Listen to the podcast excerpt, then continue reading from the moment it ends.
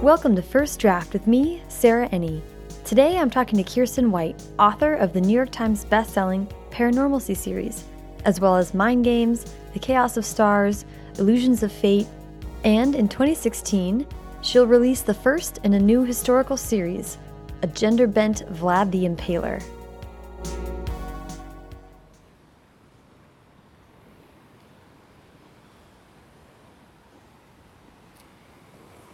Kiersten had me over to her home in San Diego, just a quick jaunt from the beach. To be fair, everywhere in San Diego, to me, is a quick jaunt from the beach. Kiersten is one of those people who appear small until they have something to say. When she gets on a roll, her eyes get wide, and her effervescent personality fills up the whole room. We talked publishing in front of a bookcase crammed with advanced copies that made me green with envy.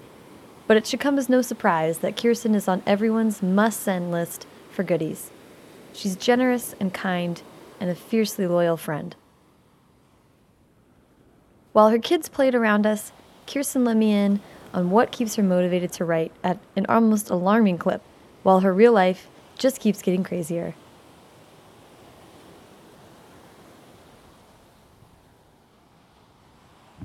Okay, so hi. Hi. How are you? I'm good. How are you? Good. It's so good to see you. Yeah. We met once briefly, but I'm excited to be able to spend more time chatting. Yeah, sure. Um, so we're here in San Diego, lovely home, and it's a little foggy today, which is like, what's up with that? Well, actually, it's interesting because people think of San Diego as being like sunny all the time, but during the summer, typically it's overcast almost every morning Mm. until early afternoon when it burns off. Okay, so I can wait and then go to the beach Yes, later exactly. today. Just go in the afternoon. It's Friday. I gotta go.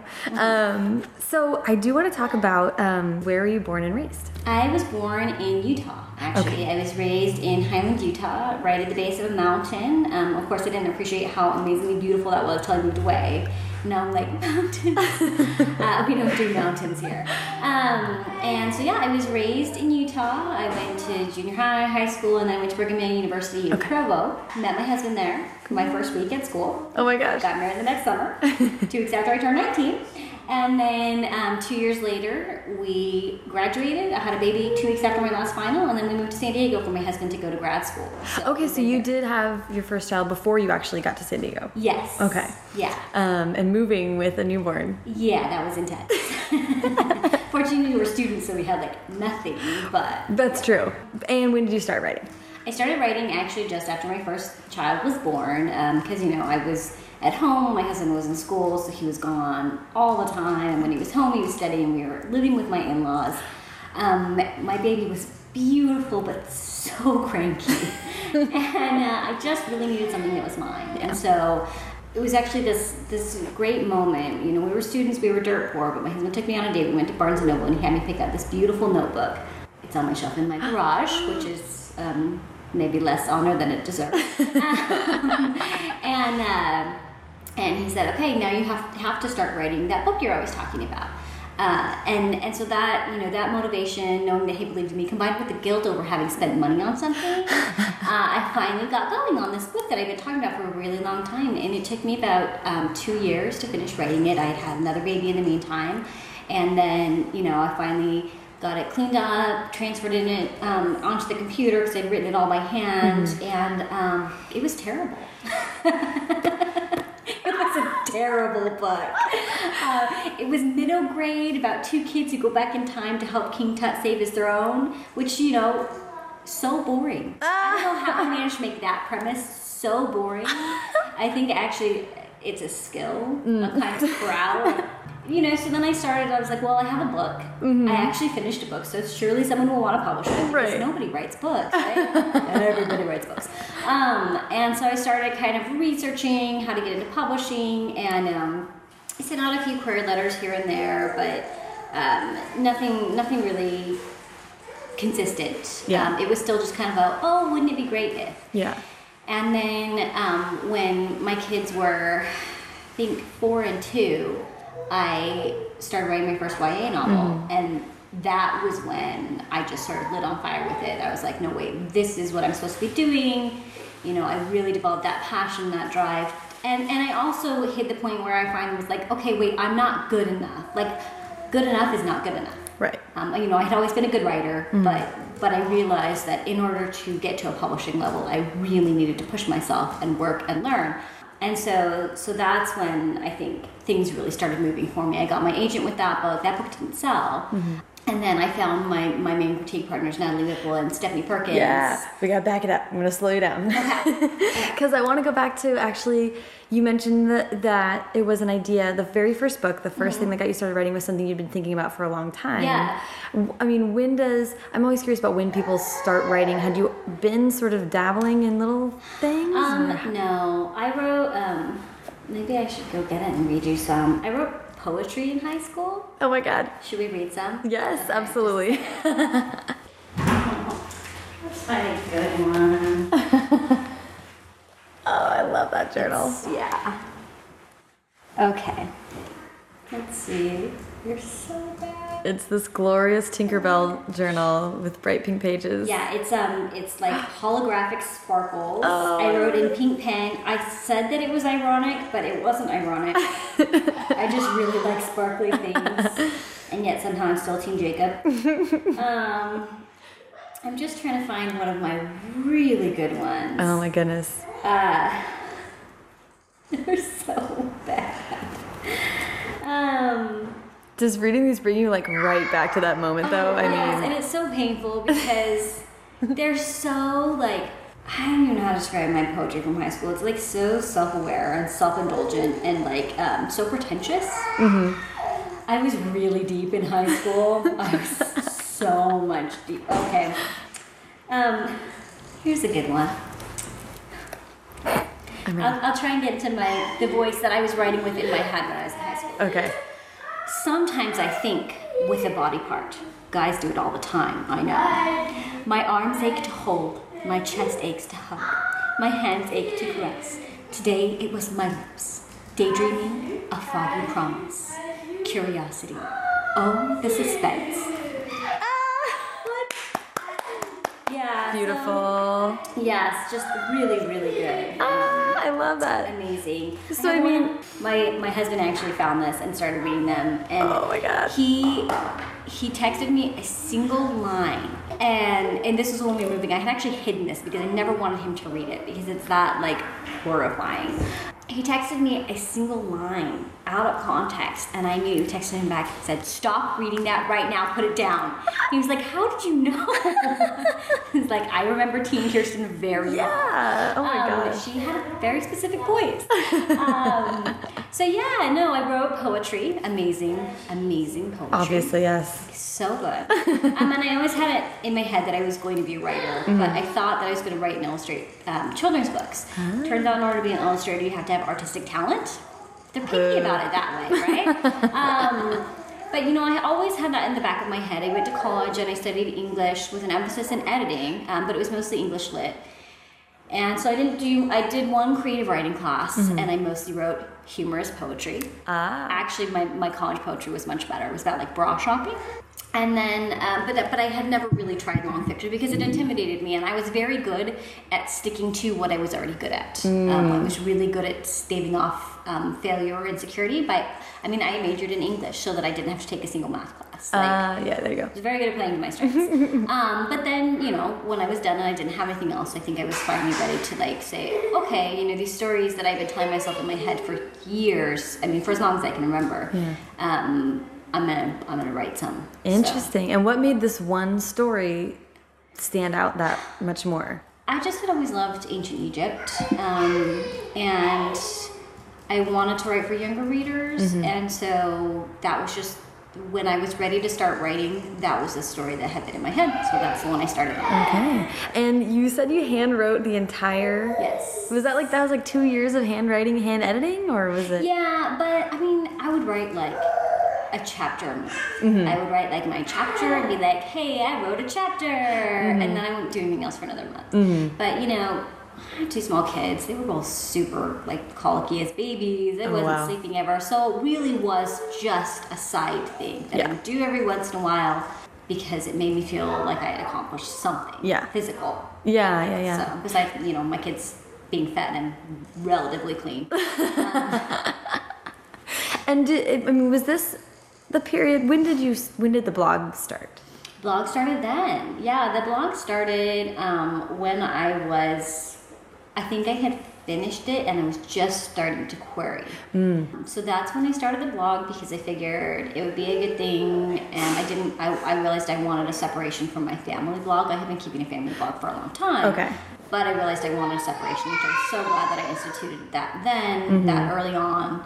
I mean, I still talked a lot more about my family mm-hmm. in the early stages of the blog than I do now. I mean, now I say nothing. Yeah. Because, you know, you kind of hit a point where you're like, this is mine. Mm-hmm. You don't get that. Mm-hmm. You know, you can have all of these aspects of me, but that's mine. Yeah. Um, so, yeah, that's when I started the blog, and the blog was actually hugely influential in my writing journey. Yeah, because the blog is like so. I mean, you were five days a week, right? Or still oh, yeah. are? Or I blogged every day. Yeah. Yeah. For a long time. And it was one of the, the when I jumped online in 2009 to sort of figure out what the heck was going on, um, Nathan Bransford's blog was 1st and then your blog was second. And it was right when Paranormalcy was like revving up to get um, to be released. And it was just like so funny because like your blog was this like bookmark like home space so it was like let's see what's going on in the YA world today and check up um, and I know you, you I knew that you'd been doing it for so long Yeah. and then I started my, so I feel like I, I was like well she did a blog I can do a blog and I started it I don't know I think that you were such a great resource for so many writers but blogging is learning so I feel like the early days must have been Yeah, yeah. I mean, it, it definitely changed in tone a lot. Like I was filling it out. Like I went back and deleted a lot of the posts. And a lot of the posts were like, "Hey, nothing going on today. Right. What's everybody doing?" Like, and I I also used it kind of like as a social kind of hub for myself. I was at home with two small kids. I didn't have a car, um, and so that really was like my social outlet. Yeah. But it was really nice because I feel like blogs are a great way to sort of hone certain skills, especially humor. Yeah. Um, because humor in writing is its own language, and so you really need practice with it. And the, and the blog was great. I wrote like I would write like short pieces. Mostly they were almost like mini essays. Um, it's funny that, that you talk about it being influential for you because I used to give a ton of advice on the blog. Like I would give writing advice, I would give publishing advice. But honestly, the more I wrote, the more I was like, oh, I don't have any idea what I'm doing. And I don't feel comfortable telling anybody else how to like. It's so funny because I see that same thing. Like I see people who are just starting out. They give a ton of writing advice. They give a ton of publishing advice mm-hmm. because that's what they're figuring out, and so mm-hmm. that's what's on their mind. That's what they're interested in. Like that's you know. And once I was sort of in it, I was like, well, I'm not interested in it anymore because it is what I'm doing. It's not something that I'm aiming toward. It's something that I'm in. And then yeah, I just felt like a huge fraud giving writing advice because I'm like, well, yeah, that worked with that book, but with this book, you know, like nothing is working. And um, I think the more you write, the more you realize like, oh, I'm terrible at this. um, and so yeah, so I kind of like uh, I, I didn't feel comfortable giving writing or publishing advice anymore because it's so different for everyone. Yeah, I think that is the trajectory a lot of people take who have done blogging as a regular part of their like journey to get to a certain point and then yeah, I think you learn enough to know that you know nothing. exactly. exactly. and it's like what uh, why am I even trying? Um but yeah, you, you do have that backlog, which I would encourage everyone to who is a fledgling writer to go back and read your posts because they Yeah, are I really did. good. I did have some legitimately good stuff there. Yeah. Um, and fun too. Like sometimes I'll go back and read old posts and I'll be like, "Oh, I was so funny. uh, where did I find that energy?" Um, Yeah, that was the other thing I was going to say is that was a lot. How'd you keep the steam rolling? to be honest. I, it was. It was my social outlet. Yeah. Um, I didn't have a social life. I was very isolated, and um, so that was sort of my community outreach. Yeah, yeah, and I think community is the best word because it really did sort of establish. I mean, uh, and to bring up to speed of what you were saying earlier, your critique partners Mm-hmm. Yeah. and, and online interaction. I mean, how did the writing community that you're a part of now develop? Uh, yeah, I met. Um, I met. Na- actually, it's a funny story with Natalie Whipple, who is also a YA author. She wrote *Transparent*, *House of Ivy and Sorrow*, um, and a few others. And uh, she and I met on a writing blog. Evil editor. He would like critique queries and, and synopses and stuff. And um, so we kind of started emailing. We got to be friends. And then after we had been friends and started being to each other's critique partners, we realized we knew each other in high school. Really? Yeah. I didn't know that story. Yes, yeah. We knew each other in high school. We had a class together. I didn't remember her. She remembered me because she was scared of me. Oh my god, that's hilarious. I had a reputation. Um, no, because I was deeply unhappy in high school, but I compensated for that by by being very opinionated. Um, I wrote like the school newspaper column. I may have made vicious fun of the prom that she helped plan. Oops. Oops. But they draped an army parachute from the ceiling, and they covered the lockers in butcher paper. So Interesting. yeah, Interesting choices. She she admits that you know it was it was right for making fun of. Um, anyway, so yeah, so we met online, and became very good friends, and then realized that like you know we had known each other for a really long wow. time. But different grade or Different grade. She was a grade younger. Okay, okay. Yeah, she was a grade younger. So, but yeah, we you know we had so all of this like history. Yeah. Um, which really helped us like connect and um, we really push each other just to create, just to Mm-hmm. write. Um, that's when I wrote my first YA novel and my second YA novel and my third YA novel within like a series of months. Wow. Um, and then I met Stephanie Perkins Mm-hmm. because I was following her agent's blog and she announced that she'd just signed a new client. Mm-hmm. And I went and read that blog post and it was the single most adorable thing I had ever read in my life. And I was like, I have to know this person. like, I just, so I started leaving her like cute, clever little comments and she would respond back. And then we kind of started emailing and then we did this thing on my blog where I said, Hey, I have this new book, and that book was Paranormalcy. Um, I want to get a critique partner for this that hasn't read any of my other stuff. Would anybody be interested? And I did not want anyone except for her. I really, I, I literally posted that just in the hopes that Steph would respond. and Yeah. That she would, and she did. Ah, a few other people did too, and I was like, oh, I already found someone um, before she responded. Yeah. Um, so yes, that was uh, that was Hey, you know what? We do what we do. yes, proud, proud times. Um, and and so you know, Natalie encouraged me to just to write and start creating, and then Steph was the one who said, "This is great. Here's how we're going to make it better." Yeah. And she really taught me how to dig deeper, how to self edit, how to remove myself from the story, and say, "Okay, here's what I have. What does it need to become?"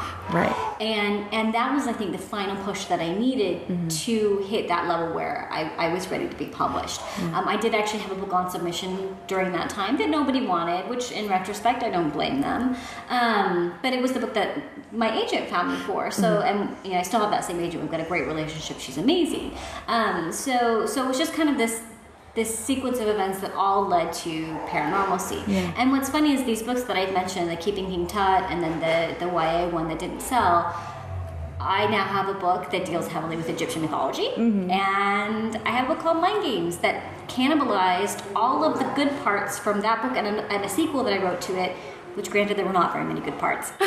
but I took everything that worked Yeah.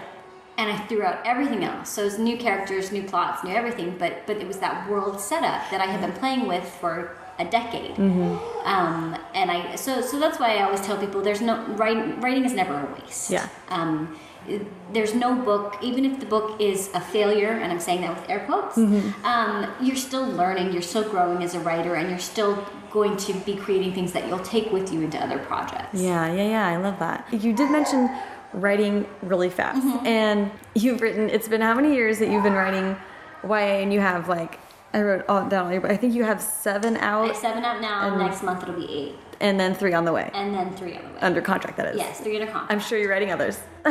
Well, I, uh, you know what's interesting is I go in spurts, um, and and some books. I mean, Mind Games I wrote in nine days, but you know that's taking two completed novels that I had all the world building and set up, and and a concept that I had been daydreaming in various forms for ten or fifteen years, um, that all went that all informed that nine day draft, um, and that one stayed really intact.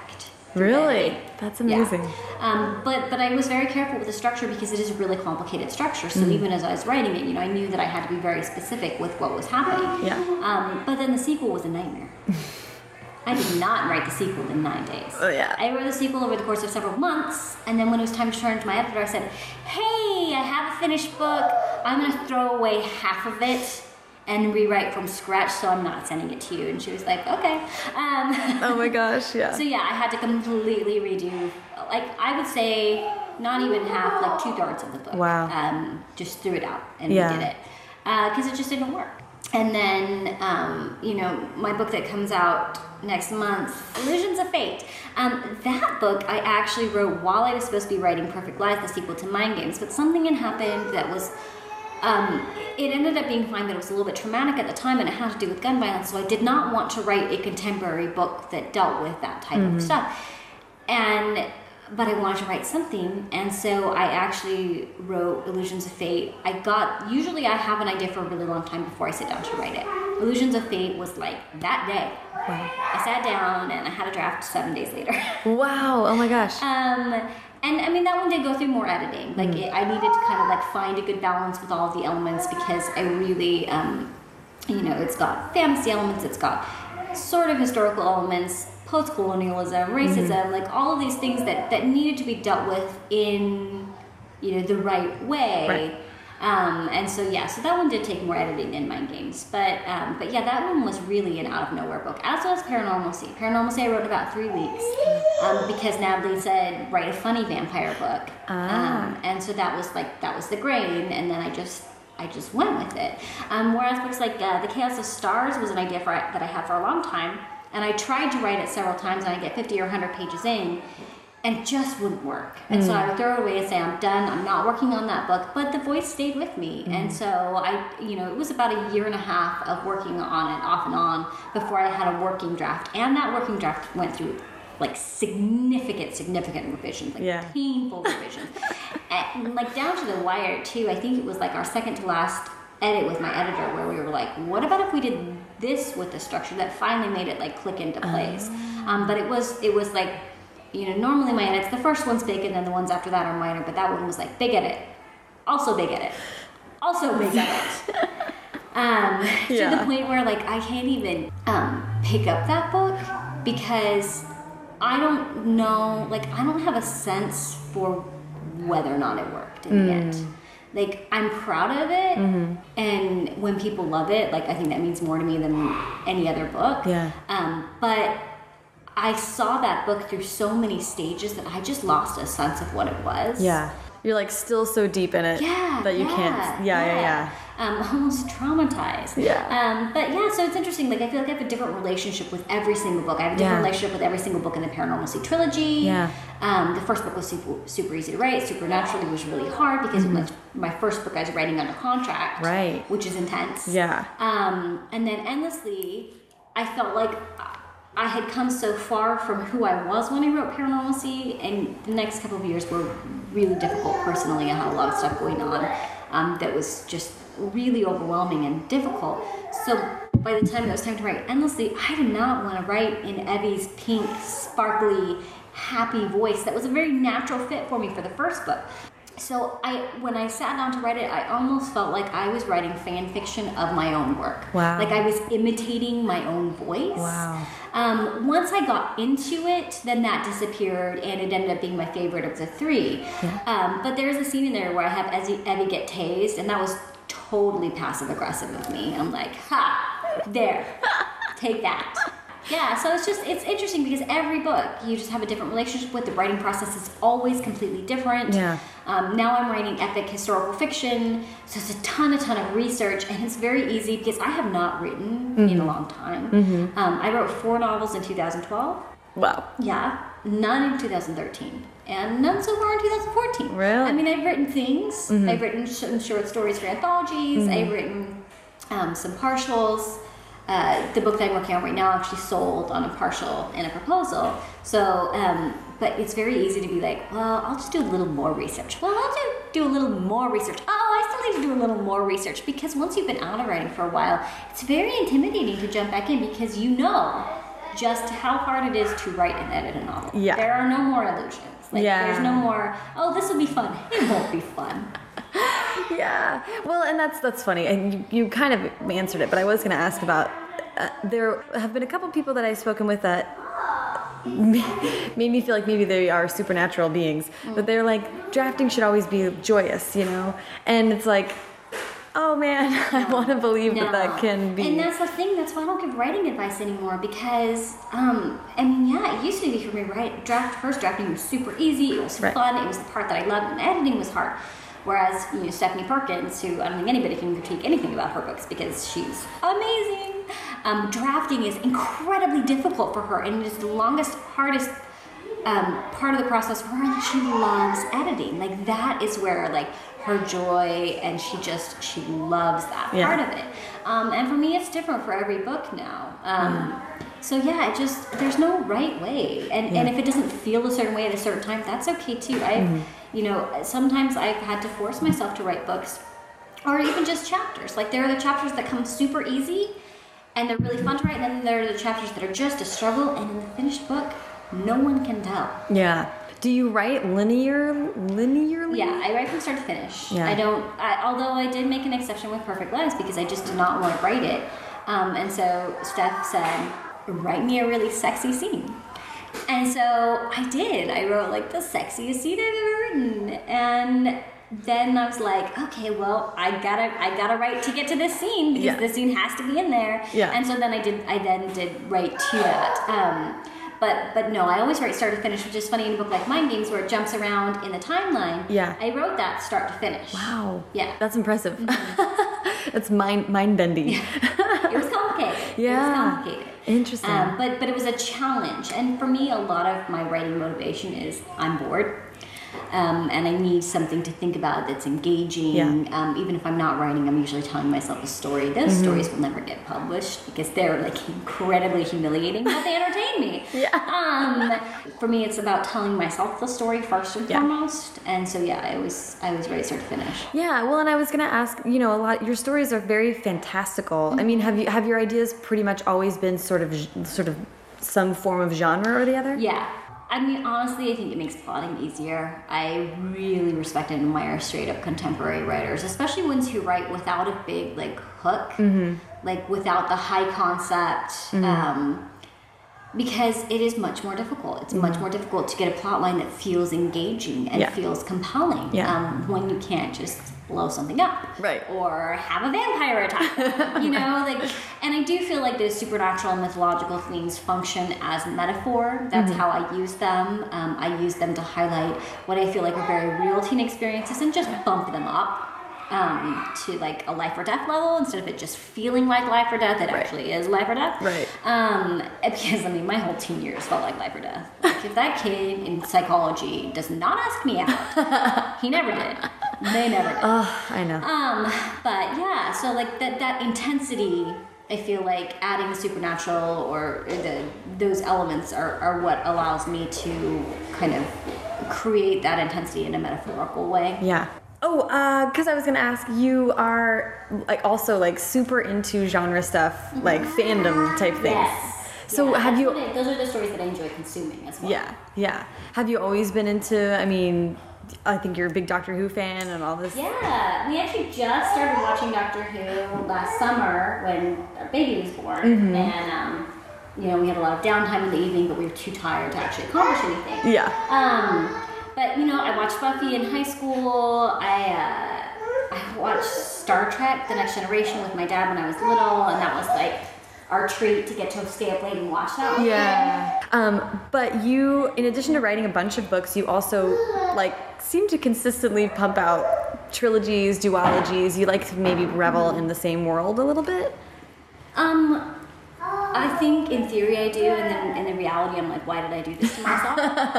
um, but but for me, it's all about character journeys. Yeah. And so for Evie, she had a three book character journey to get to where she wanted to be. For me, the thing with YA is you take them to the threshold of adulthood. Yeah.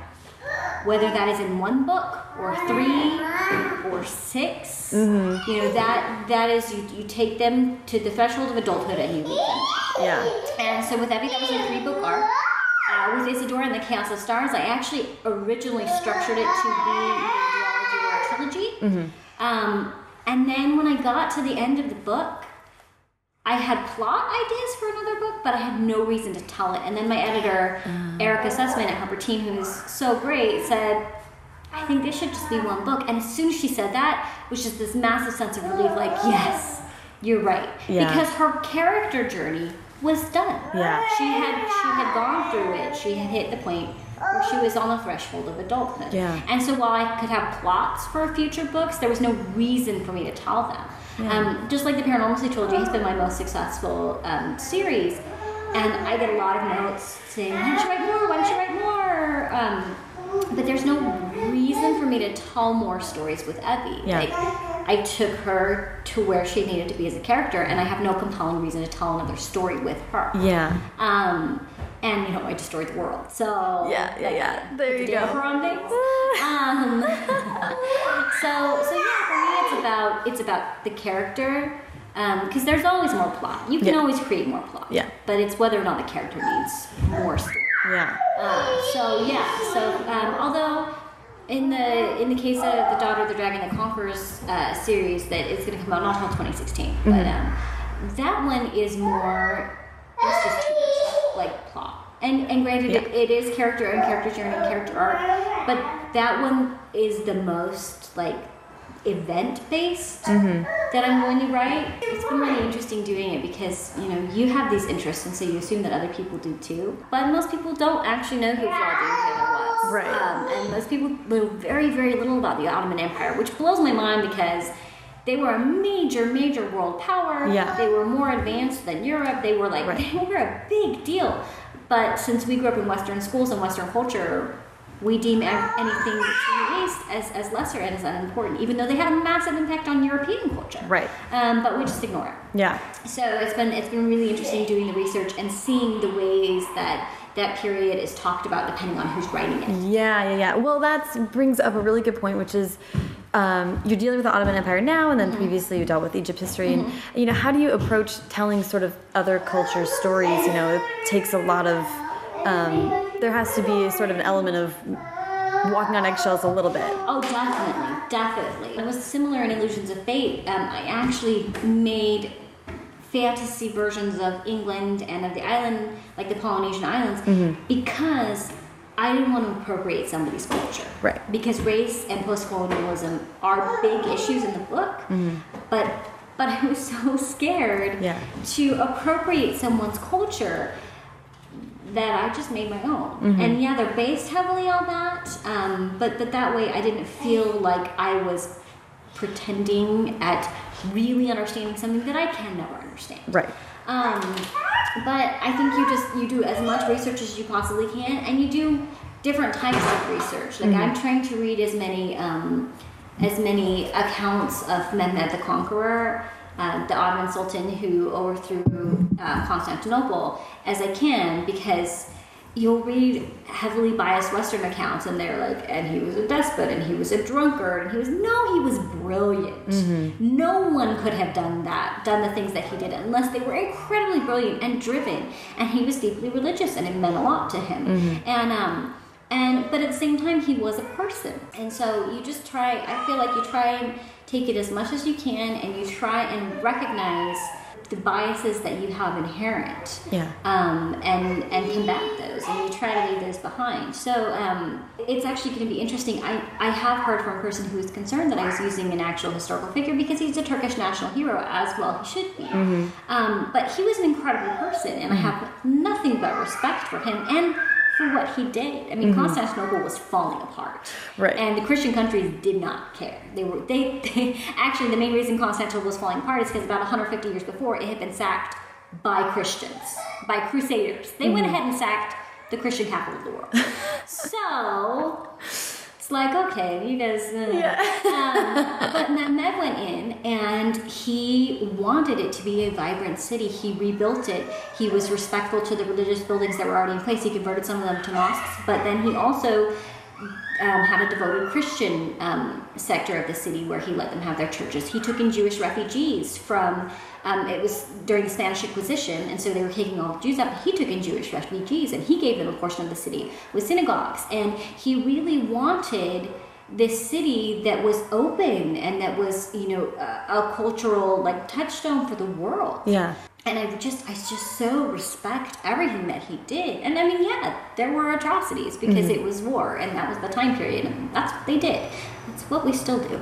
Um, but but so so for me, I try to approach it just as respectfully as I can. I have deep respect for Islam, but you know, it's always it's always hard when you when you touch on these topics that are deeply personal, Yeah. uh, and that that affect people in very real ways, and that still affect people in very real ways. their religion and the race, and Yeah. um, and so I mean, I don't know how you do it well. Like, Yeah. it's always going to be difficult, but at the same time, I feel like if this series makes people want to learn more about the Ottoman Empire, Mm-hmm. want to learn more about Islam and what an amazing and rich history it has, and what an incredible like people Mm-hmm. um, the Muslim people are, and how varied. I mean, it's not just. I mean, there's not Muslim. There's so Right. many different types, just Right. like you know Christians or any group really. Yeah. Um, and so if, if if that happens, then I then I will feel good about it. Okay, and I want to talk about the the uh, book that you did with Jim Bartolo. Yeah. Uh, Jim Bartolo. Yes. Um,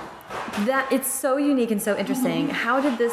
Uh, in, and I'll name it in the shadows. Mm-hmm. Um, how did the idea for this come about? So Jim and I had met. He's, he's married to Laini Taylor, who's one of my favorite authors, and we had met a few years ago at Comic Con. Um, Laini and Steph were friends and critique partners, and so we were all kind of hanging out. And Jim just said in passing, you know, if they want to do a graphic novel of your books, I'd love for you to consider me to be the artist. And um, that kind of stuck, and I kept thinking about it. And I think it was early 2012, um, I really wanted um, a challenge. I wanted a creative challenge. I wanted to do something different. Yeah.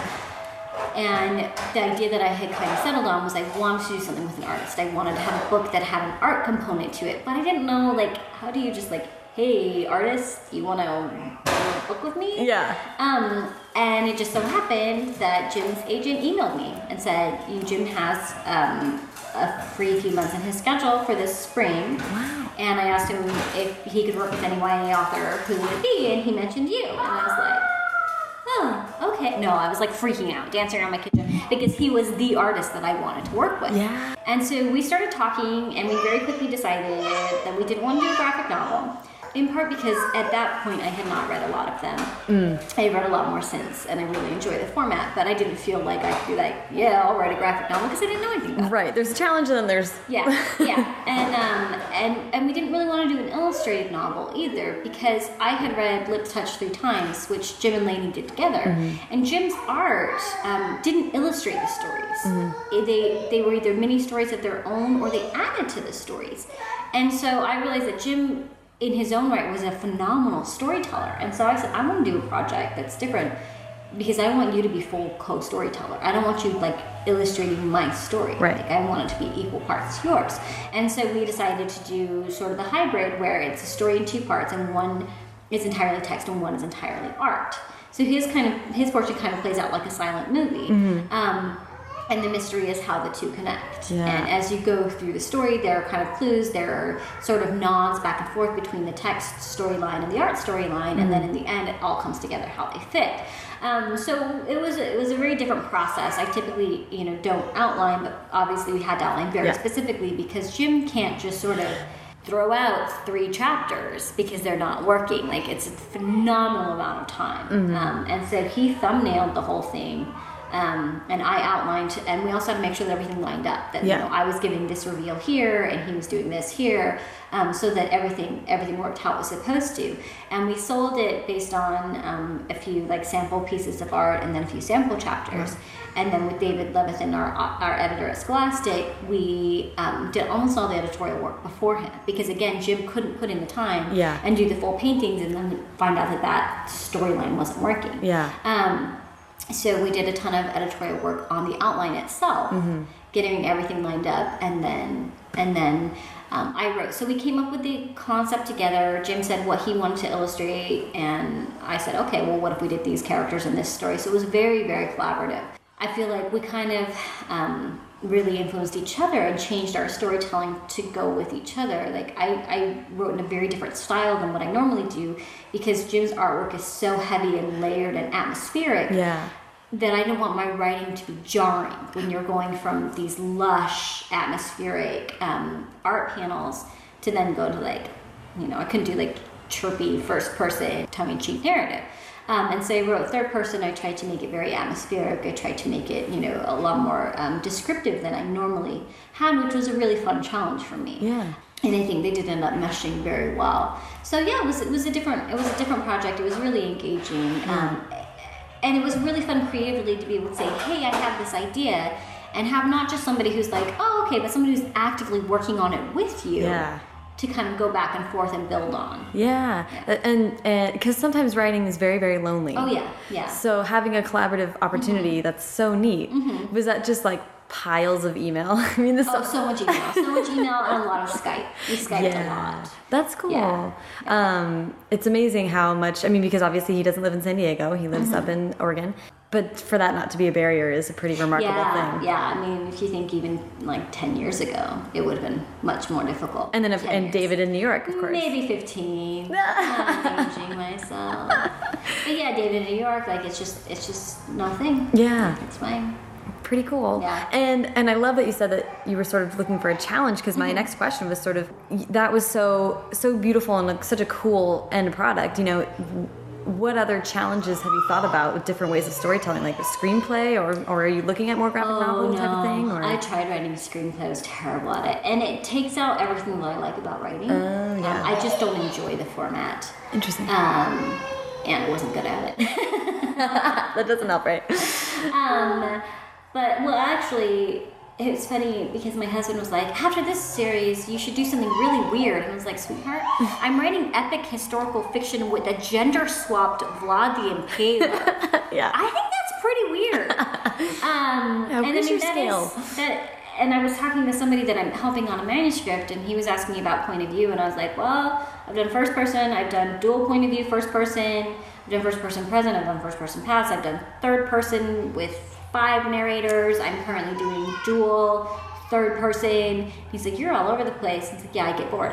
Um, and I kind of, you know, sometimes I think maybe it would have been a better career strategy to be like, oh, this is working. I'll do more books like this. But I just, I can't. No. I know some authors can just write and write and write in the same world, and that's engaging to them, and they're so absorbed in that world and the minutia of it.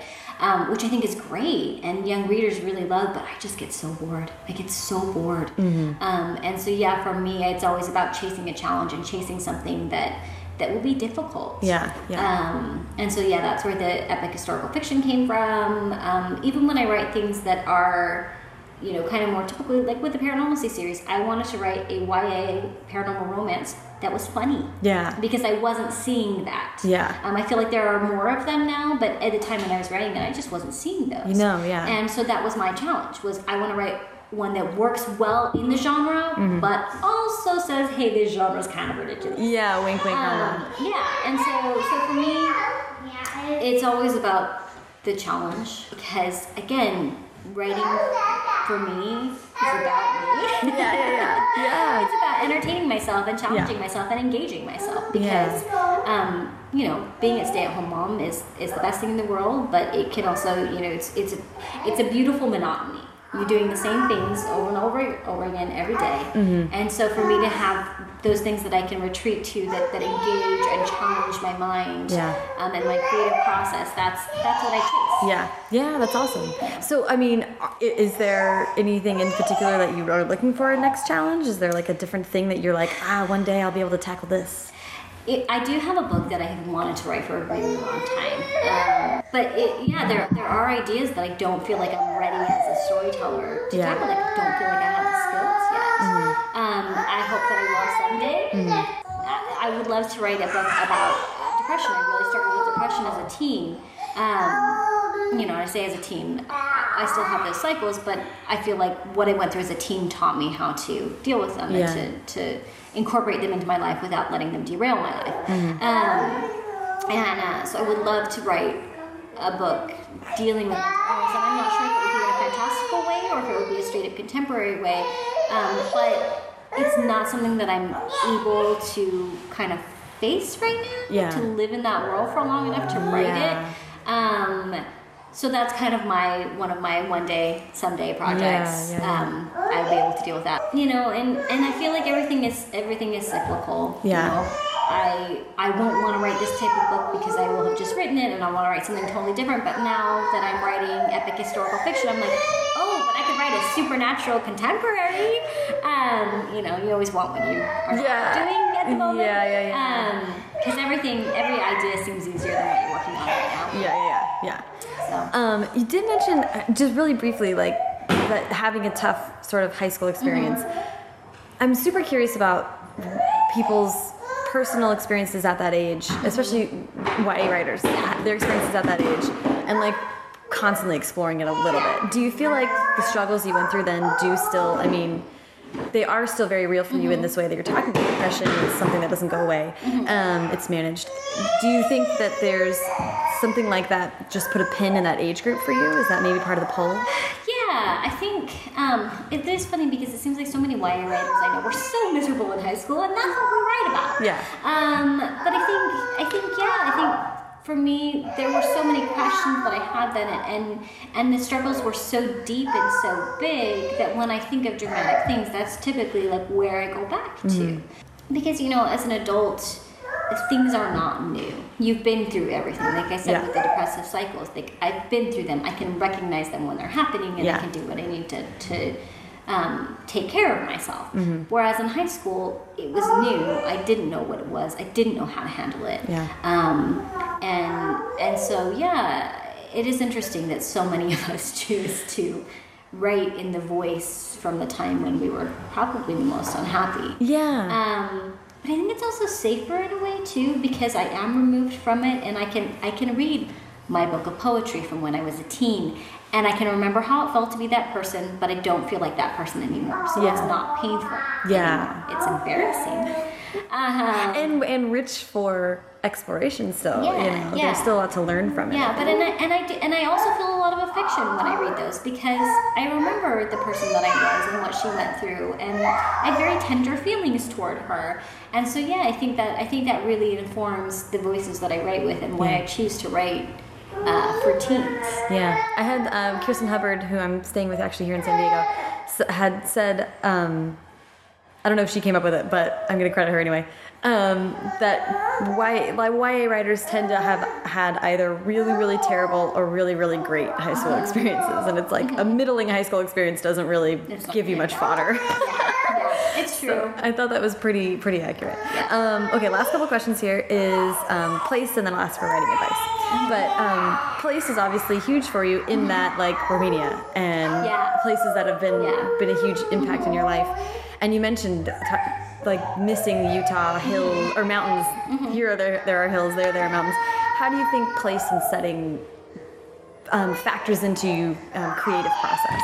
Um, it's interesting because in the Paranormalcy series, place and setting really are like not even there. I mean, she there's the center, which is nowhere. I was gonna say she's sort of inside for a lot of Yes. it. Yeah, there's the center, which is nowhere, and then when she gets out, it's like a nameless Virginia Mm-hmm. town. And I don't describe the scenery very much. Um, and, and in Mind Games, place there's not much sense of place either, but that was on purpose because they are so disjointed and they don't have a connection to anywhere or anyone. And and like with Fia's point of view, I deliberately did not give much much description of people or places because it didn't matter to her. Yeah. She didn't. Yeah. That, that was not the information that she took and used, and so she didn't care. Yeah. Um, it just was that's a so non-issue interesting. for her. So that was actually a very deliberate choice that I did not describe scenery or people very much. And then you know, Annie, the other point of view, is blind, Right. um, and so you know, she's not going to describe much scenery. Yeah. But then I had um, the Chaos of Stars, which is set actually in San Diego, and so I did want that to be a part of it because it was part of a lot of that is figuring out like what is home, what is family, and so I did want it to be very different than what she was used to and really show her like acclimating to um, the place itself. Yeah. So I got to use like local food and um, beaches and all of these things that you know I came to as a stranger as Right. well. Um, and then um, yeah, like you said, Romania is is I've actually been to these places that I'm going to describe, which is so great. Like, and I feel like that's such an asset in writing these books because I have climbed. You know the 1,300 steps to Vlad Tepes's mountain fortress. Yeah. And I have been to the, to the ancient capital at Târgoviște, and I, you know, I've been to these places, and they haven't changed that much. Yeah. And so to have that sense um, that I'll really be able to bring, I'm really excited about that. I'm very, very hopeful that we'll be able to go to Istanbul early next year because that's another big location in the book Yeah. and so much history and such an incredible city. Um, so I'm really, really hoping that we'll get to go because I think that will add a lot to it if I can actually be there. Because Yeah. I mean, you know, glories of the internet. You can look over Flickr feeds and see like so much, but it's not the same as being there. No, no, definitely Um, not. So yeah, so I think I think that place when it's used well becomes not just like the the paper on which you paint it, it becomes part of the paint itself. Like it becomes a character. Ooh, I like um. I mean, you look at Anna and the French Kiss, Stephanie Perkins' first book, and Paris is a character in the novel.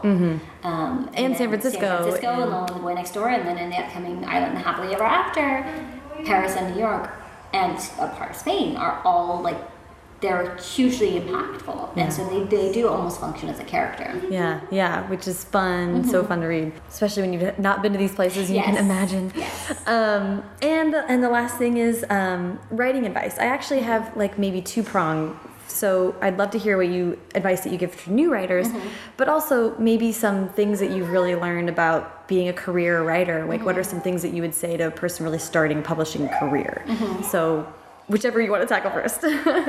do something else. No, just kidding, just kidding. It's the best job ever, and I'm incredibly grateful that I get to do it. Um, no, so beginning writer, I would say um, just write. I mean, I'll have people ask me for publishing advice, and I'll be like, "Have you finished a book?" They're like, "Well, I have an idea for one." I'm like, "Hmm." mm, okay, talk to me again in three years. Um, just write. I think we tend to psych ourselves out as writers. We feel like it's just hard to start. It's always hard to start. It's still hard. For A blank start. page. Yes, it's still like starting is the hardest part. Give yourself permission to write the book. Give yourself permission to take the time that you need to write the book. yeah. Um, I think we, we get so self conscious and we worry about it so much. Um, just give yourself permission to write it, and it's okay if it's not good because they never are. Yeah, yeah, yeah. When Oh you're starting gosh. out, they never are. Yeah. Um, so yeah, my advice to beginning writers is just start. Mm-hmm. Just give yourself permission. Yeah, that's great. And then to people who are starting to get into the industry or trying to get into the industry, it's a strange industry. It really is because from the writer end, it's built on like these dreams and these deeply personal things, and then in New York, it's business. And it's very hard to reconcile the two once you're into it and say, you know, like these are my dreams and this is my deeply personal book, and now it's a product. Um, and and so I just I feel like you've got to love writing. You've got to love the writing itself because that's the only thing that you can control. Yeah. Um, everything else is out of your hands. Like you, marketing, how well your book sells, where your book sells, when your book sells. Like you can't control any of that. Yeah. All you can control is the rating. And I would just my advice is don't let the pursuit of publishing suck the joy out of writing for you because otherwise there's no point. Yeah. Well, I really like that. Um, well, thank you so much for chatting today. This was a blast.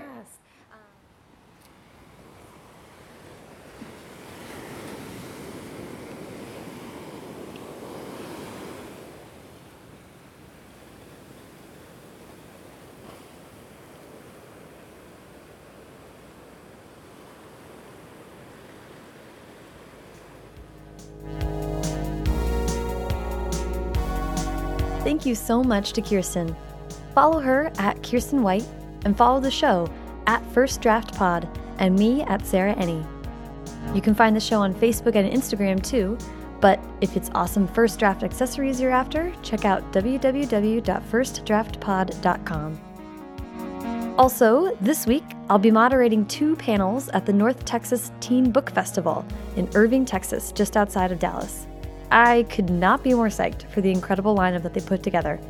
I'll be chatting with Stephanie Perkins, Sara Zarr, John Corey Whaley, and so many others. It's going to be just the best. And it's free! So if you are anywhere near, make sure to stop by and say hi. It's on March 7th, the North Texas Teen Book Festival. I really, really hope to see all of you there.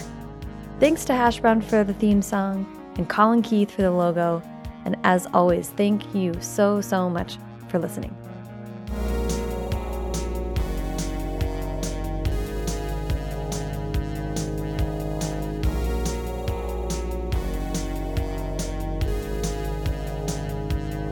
Uh, okay, so this is about an ex-boyfriend. Okay. Good luck finding another girl willing to put up with you. Or maybe you're happy just dating your brother. I won't be your weekend fancy anymore. I hope you find someone you're crazy about and she uses you because that would be funny. Ha, ha, ha.